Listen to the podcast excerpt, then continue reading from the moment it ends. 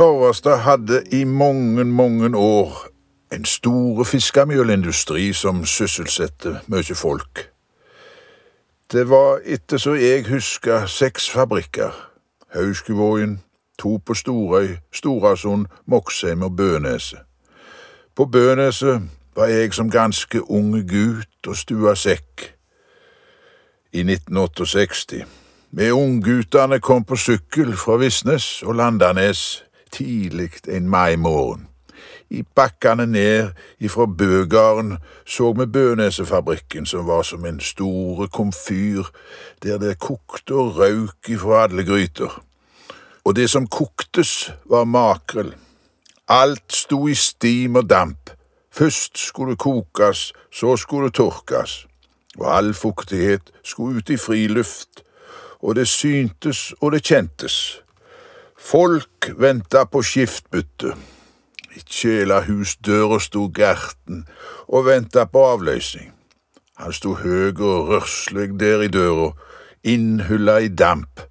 Noen meter bare forbi sto mopeden klar til å ta han hjem. Johannes Nordbø, båsen, går i overhold med mandige skritt til den lille kadetten han hadde. Johannes hadde seilt til sjøs, og ingen hadde vært i så dårlig vær i Nordsjøen som båsen. Han Rasmus, altså sjøen, hadde hevet svære kulesteinen på dekk til dem. Båsen hadde òg to søstre i New York. De eide husvære der som de leide ut til folk. En gang hadde Båsen i sin sjøfartstid føket over New York. Da hadde han sett søstrene gå over Brooklyn-brua. Han kjente de igjen på de gule kåpene de hadde på seg. Utrolig hvor godt syn den mannen hadde. Nå kom de fra presshus, loft, separatorer og torker. Bjarne Bø, Lars Moxheim osv. osv. Stilt bak husveggene kommer Sverre Nesse ruslende. I det de første solstrålene kom over Norheimskogen. Sverre har samla ølflasker etter last og lossegjengen ifra Haugesund, som nettopp var foren, hjem. De hadde lasta en båt med tusenvis av mjølsekker. Det var svettaktig arbeid så øl måtte til, og så behøvde de ikke sertifikat. De ble henta med drosjer. Sverre var en tøffing. I ungdommen hadde han vært i New York. Det var på 30-tallet, i den verste depresjonen, der han, arbeidsløs, sulten og motløs, havna på ørkenen sur. En båt som lå på Bøneset, fikk ikke ned lastekroken som sto tubloks. Ikke fikk de låra bommen heller, men de fikk svingt han inn til tredje etasje på sjøhuset. Sverre hoppte ut ifra døra og tok kroken. Så låra de han ned på dekk. Hva han sa når han sto på dekk? Vel, vel. Og når det ikke var produksjon, blei vi tilsette annet forefallende arbeid. Det var her jeg kom i kontakt med Fridtjof Øvrabø.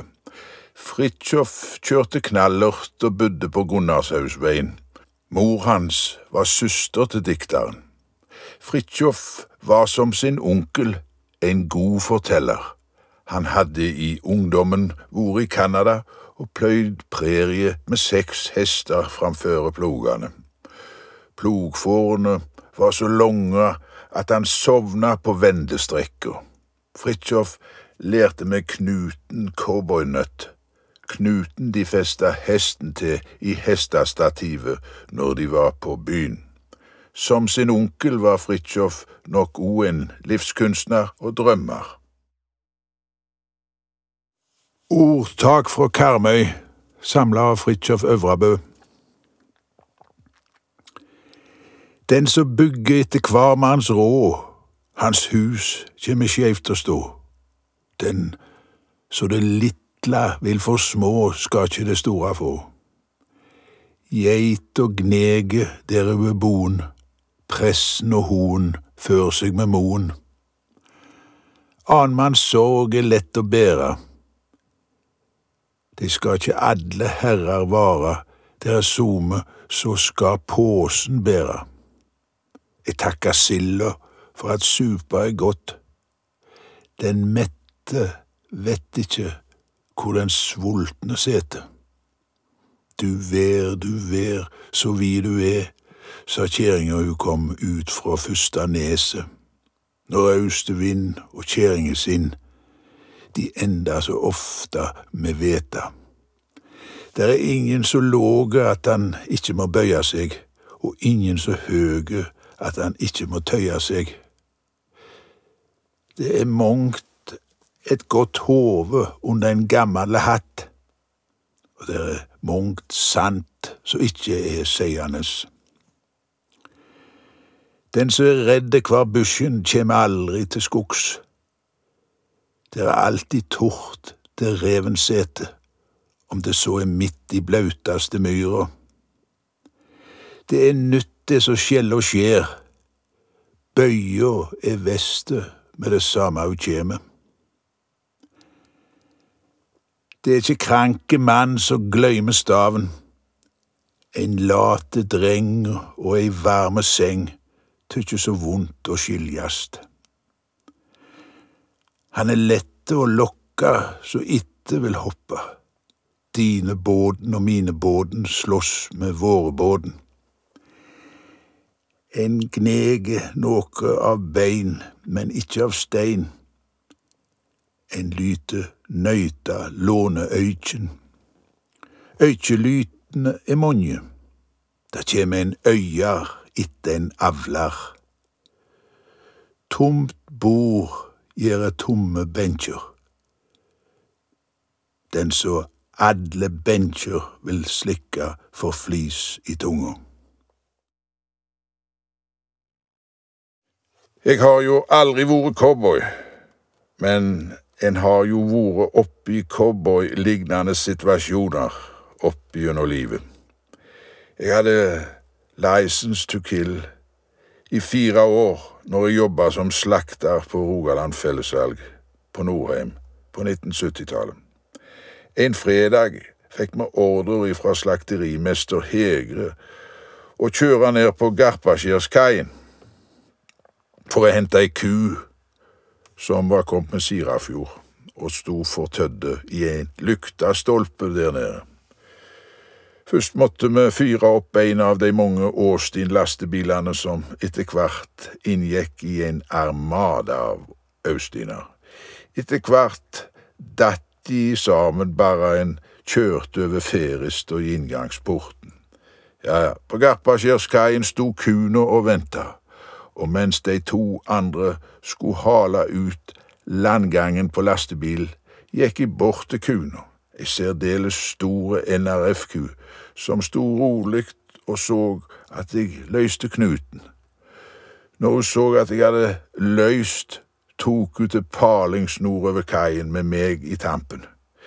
Jeg tror kaien var for lengde på den tida, og så det var bare pukk som dekke. Jeg streka så godt jeg kunne med bein og støvler, men enden på kaien og sjøen nærma seg. Jeg hadde vel gjort meg opp eh, ei mening at hopper på sjøen, så hopper jeg etter. Men så fikk jeg korta inn tampen og tak om halsen hans. Det var et sjeldent syn, sa de som så på at ei så store ku kunne fyke i lufta i rein og skjære rodeo-stil. Men kuene reiste seg uten skar, fulgte meg som en hund inn i bilen. Kusommen min. Den vakreste blomst som vår Herre har skapt, er ingen rose.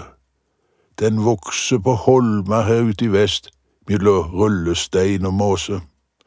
Den duvar i vind, kusommen min, når vårbrisen stryker imot land. Det dufter så godt når du har fått den første bukett i di hand. Den vakreste blomst som vår Herre har skapt, er ingen lilje. Den lyser som gull og er gjemt under muld, men sola gir den vilje til å komme fram igjen og igjen for å vise sin prakt og sin ynde. En streng i meg slår hver gang jeg får den første bukett i mi hand.